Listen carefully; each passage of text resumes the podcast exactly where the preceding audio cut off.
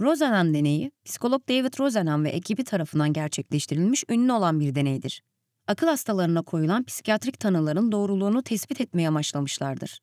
Akıl hastası rolü yapan kişiler, gayipten sesler duyduklarını dile getirerek akıl hastanelerine başvurmuşlar ve kabul edilmişlerdir. Sahte hasta olarak girdikleri akıl hastanelerinden bilgi toplamışlardır. Yazan Ceren Mısır, düzenleyen Ümit Sözbilir, seslendiren Merve Kaş. Stanford Üniversitesi'nde öğretim görevlisi olarak çalışan psikolog David Rosenhan, bir gün bir akıl hastanesine giderek bazı psikolojik sorunları olduğundan bahsetti. Hastane görevlileri tarafından akıl hastası olabileceği düşünüldü ve hastaneye yatırıldı. Aslında herhangi bir rahatsızlığı yoktu. David Rosenhan ve ekibi, akıl hastalarına koyulan psikiyatrik tanıların doğruluğunu test etmek amacıyla bir deney geliştirdi. Ekiptekiler, deney gereği akıl hastası rolü yaparak akıl hastanelerine girdiler.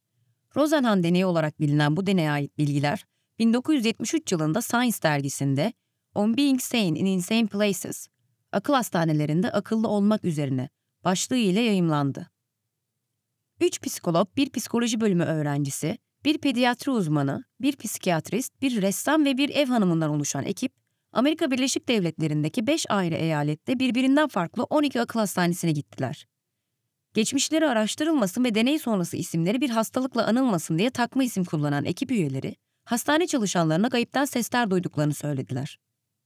Ekip üyeleri, hastaneye girebilmek için söyledikleri gayipten ses duyma durumu ve takma isim kullanmaları hariç hayat hikayelerinde hiçbir değişiklik yapmadılar. Böylece akıllı insan olarak hastane içerisinde bulunacaklardı.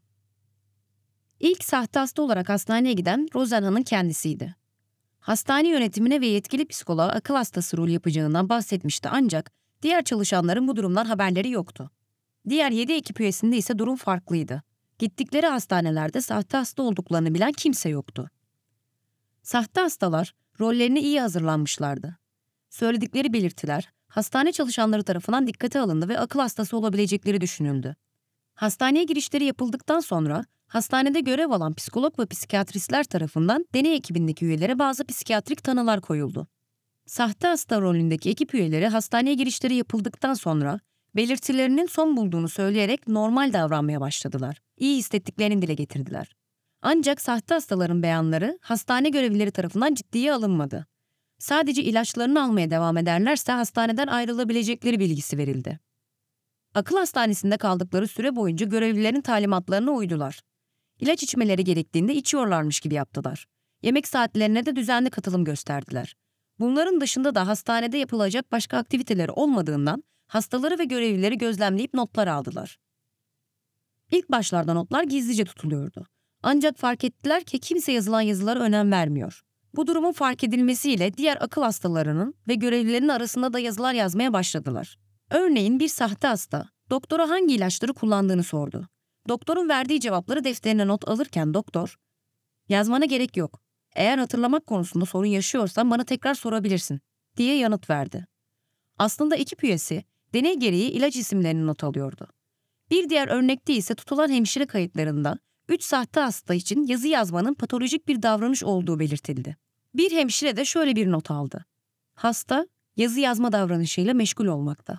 Yani deney aslında görevlilerin gözü önünde gerçekleştirildi ancak fark eden ya da şüphelenen olmadı. Ayrıca sahte hastalar hastaneye girdiklerinde hastaneden çıkabilmek için çalışanları ikna etmeleri gerektiğini biliyorlardı. Buna uygun olarak arkadaşça davranış sergilediler. Sahte hastalardan biri hariç hepsi remisyonda şizofren tanısı aldılar. Diğer bir kişi ise şizofreni tanısı aldı. Ayrıca hastane kayıtlarında sahte hastalarla ilgili şüphe duyulduğuna dair herhangi bir bilgi bulunmamaktaydı. Sahte hastalar en az 7 gün, en fazla 52 gün olmak üzere hastanede kaldılar. Detaylı bir şekilde gözlemlemek amacıyla uzun bir süre hastanede kalmaları istendi. Ancak bu uzun süreç bile görevlilerin onların sahte hasta olduklarını fark etmeleri için yeterli olmadı. Hatta bu uzun süreç şizofreni tanısı almalarına sebep oldu. Ancak şunu belirtmekte fayda var. 118 akıl hastası ile etkileşim kuruldu ve bunlardan 35 tanesi sahte hastalardan şüphelendiler. Gazeteci ya da profesör olduklarını dile getirdiler. Bu durumla karşılaşan sahte hastalar önceden akıl hastası olduklarını ancak hastaneye girdikleri zaman düzeldiklerini söylediler. Tecrübeli ve bu konuda uzman olan çalışanlar sahte hastaları fark etmezken akıl hastalarının fark etmiş olmaları önemli bir detaydır. Ancak şunu unutmamak gerekir.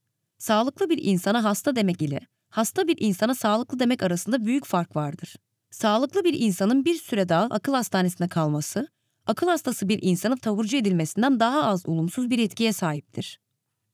Sahte hastaların hepsi akıl hastanelerinden çıktıktan sonra deneyin sonuçları kamuoyu ile paylaşıldı. David Rosenhan ve ekibi yapmış oldukları deney ile dikkatleri üzerlerine çektiler. Hatta bir klinik görevlisi Rosenhan'dan bu deneyi tekrarlamasını fakat bu sefer sahte hastaları kendi hastanesine göndermesini istedi. Kendi hastanesindeki psikolog ve psikiyatristlerin sahte hastaları gerçek hastalardan ayırt edebileceklerini öne sürdü.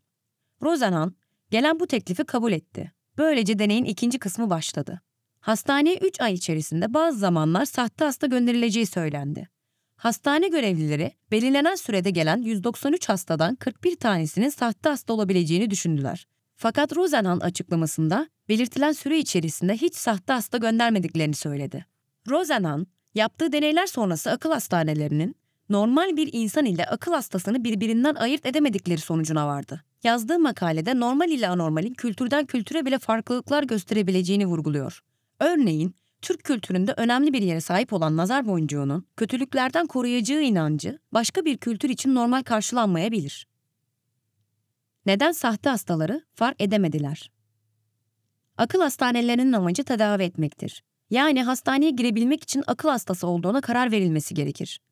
Gayipten sesler duymak geçici ya da önemsiz bir durum gibi gelebilir. Ancak birçok hastalığın belirtisi de olabilir. Bu sebepledir ki akıl hastası olabilecekleri düşünülerek hastaneye girişleri yapılmıştır. Gerçekten gayipten sesler duyuyor olsalardı ve hastaneye yatırılmasalardı, hastalıkları ilerleyebilirdi. Bu sebeple hastaneye kabul edilmiş olmalarında bir sorun aramamak gerekir. Sanrı görmek ya da gayipten sesler duymak uykusuzluktan ya da uyuşturucu etkisinden dolayı da olabilir. Ancak kişiler kendi istekleriyle hastaneye girmek ve tedavi olmak istediler. Hastanedeki çalışanlar da görevlerini yerine getirdiler. Akıl hastanesine giren herkesin belirli rahatsızlıklara sahip olmaları gerekir. Bu sebeple hastane çalışanlarının ana görevi tedavi etmektir. Deney süresince de ilaçlarla ve görüşmelerle tedavi süreci yürütülmüştür. Bu noktaya kadar da herhangi bir sorundan bahsetmek mümkün değildir. Hastaneye giren sahte hastalar bir süre sonra iyi olduklarını söylemeye başladılar. Normal olarak her iyi olduğunu söyleyeni taburcu etmek doğru değildir. Şöyle düşünebilirsiniz. Ameliyat oldunuz ve doktorunuz ilk 3 günün kritik olduğunu, bu sebeple de hastanede kalmanız gerektiğini söyledi. Siz ise ameliyattan 24 saat sonra iyi hissetmeye başladığınızı söylediniz. Hala kritik bir süreçte olduğunuz için doktorunuz sizi taburcu etmeyecektir. Sahte hastaların beyanlarına da bu şekilde yaklaşılmıştır. Not almalarını nasıl fark etmediler diye düşünebilirsiniz. Akıl hastanelerine birçok şikayetten muzdarip insanlar başvurmaktadır. Dolayısıyla her hastanın sadece bir rahatsızlığı vardır demek pek mümkün değildir. Örneğin, saplantı zorlantı bozukluğa sahip olan kişiler tekrar eden ve karşı koyamadıkları düşüncelere sahiptirler. Bu düşüncelerle baş etmekte zorluk yaşadıkları için bazı davranışları tekrarlayarak farkında olmadan saplantılı düşüncelerini rahatlatırlar. Kediniz olduğunu ve yedinci katta oturduğunuzu varsayalım. Evden çıktınız ama camları kontrol ettiniz mi diye bir şüphe düştü içinize. Eğer açık kaldıysa kedinizin camdan düşebileceğini düşündünüz ve korkmaya başladınız. Eğer camları kontrol etmenize rağmen kontrol edip etmediğinize dair şüpheniz varsa bu şüphelerle gün içerisinde baş etmek oldukça zor olacaktır. Bir an önce eve dönüp camları kontrol etme ihtiyacı hissedeceksiniz. İşte saplantı zorlantı bozukluğu olan kişiler bu tarz olayları çok sık yaşarlar. Deneydeki sahte hastaların sürekli notlar almaları da bir saplantı zorlantı bozukluk olarak düşünülmüş ve bu sebeple farklı bir amaçla yaklaşılmamış olunabilir.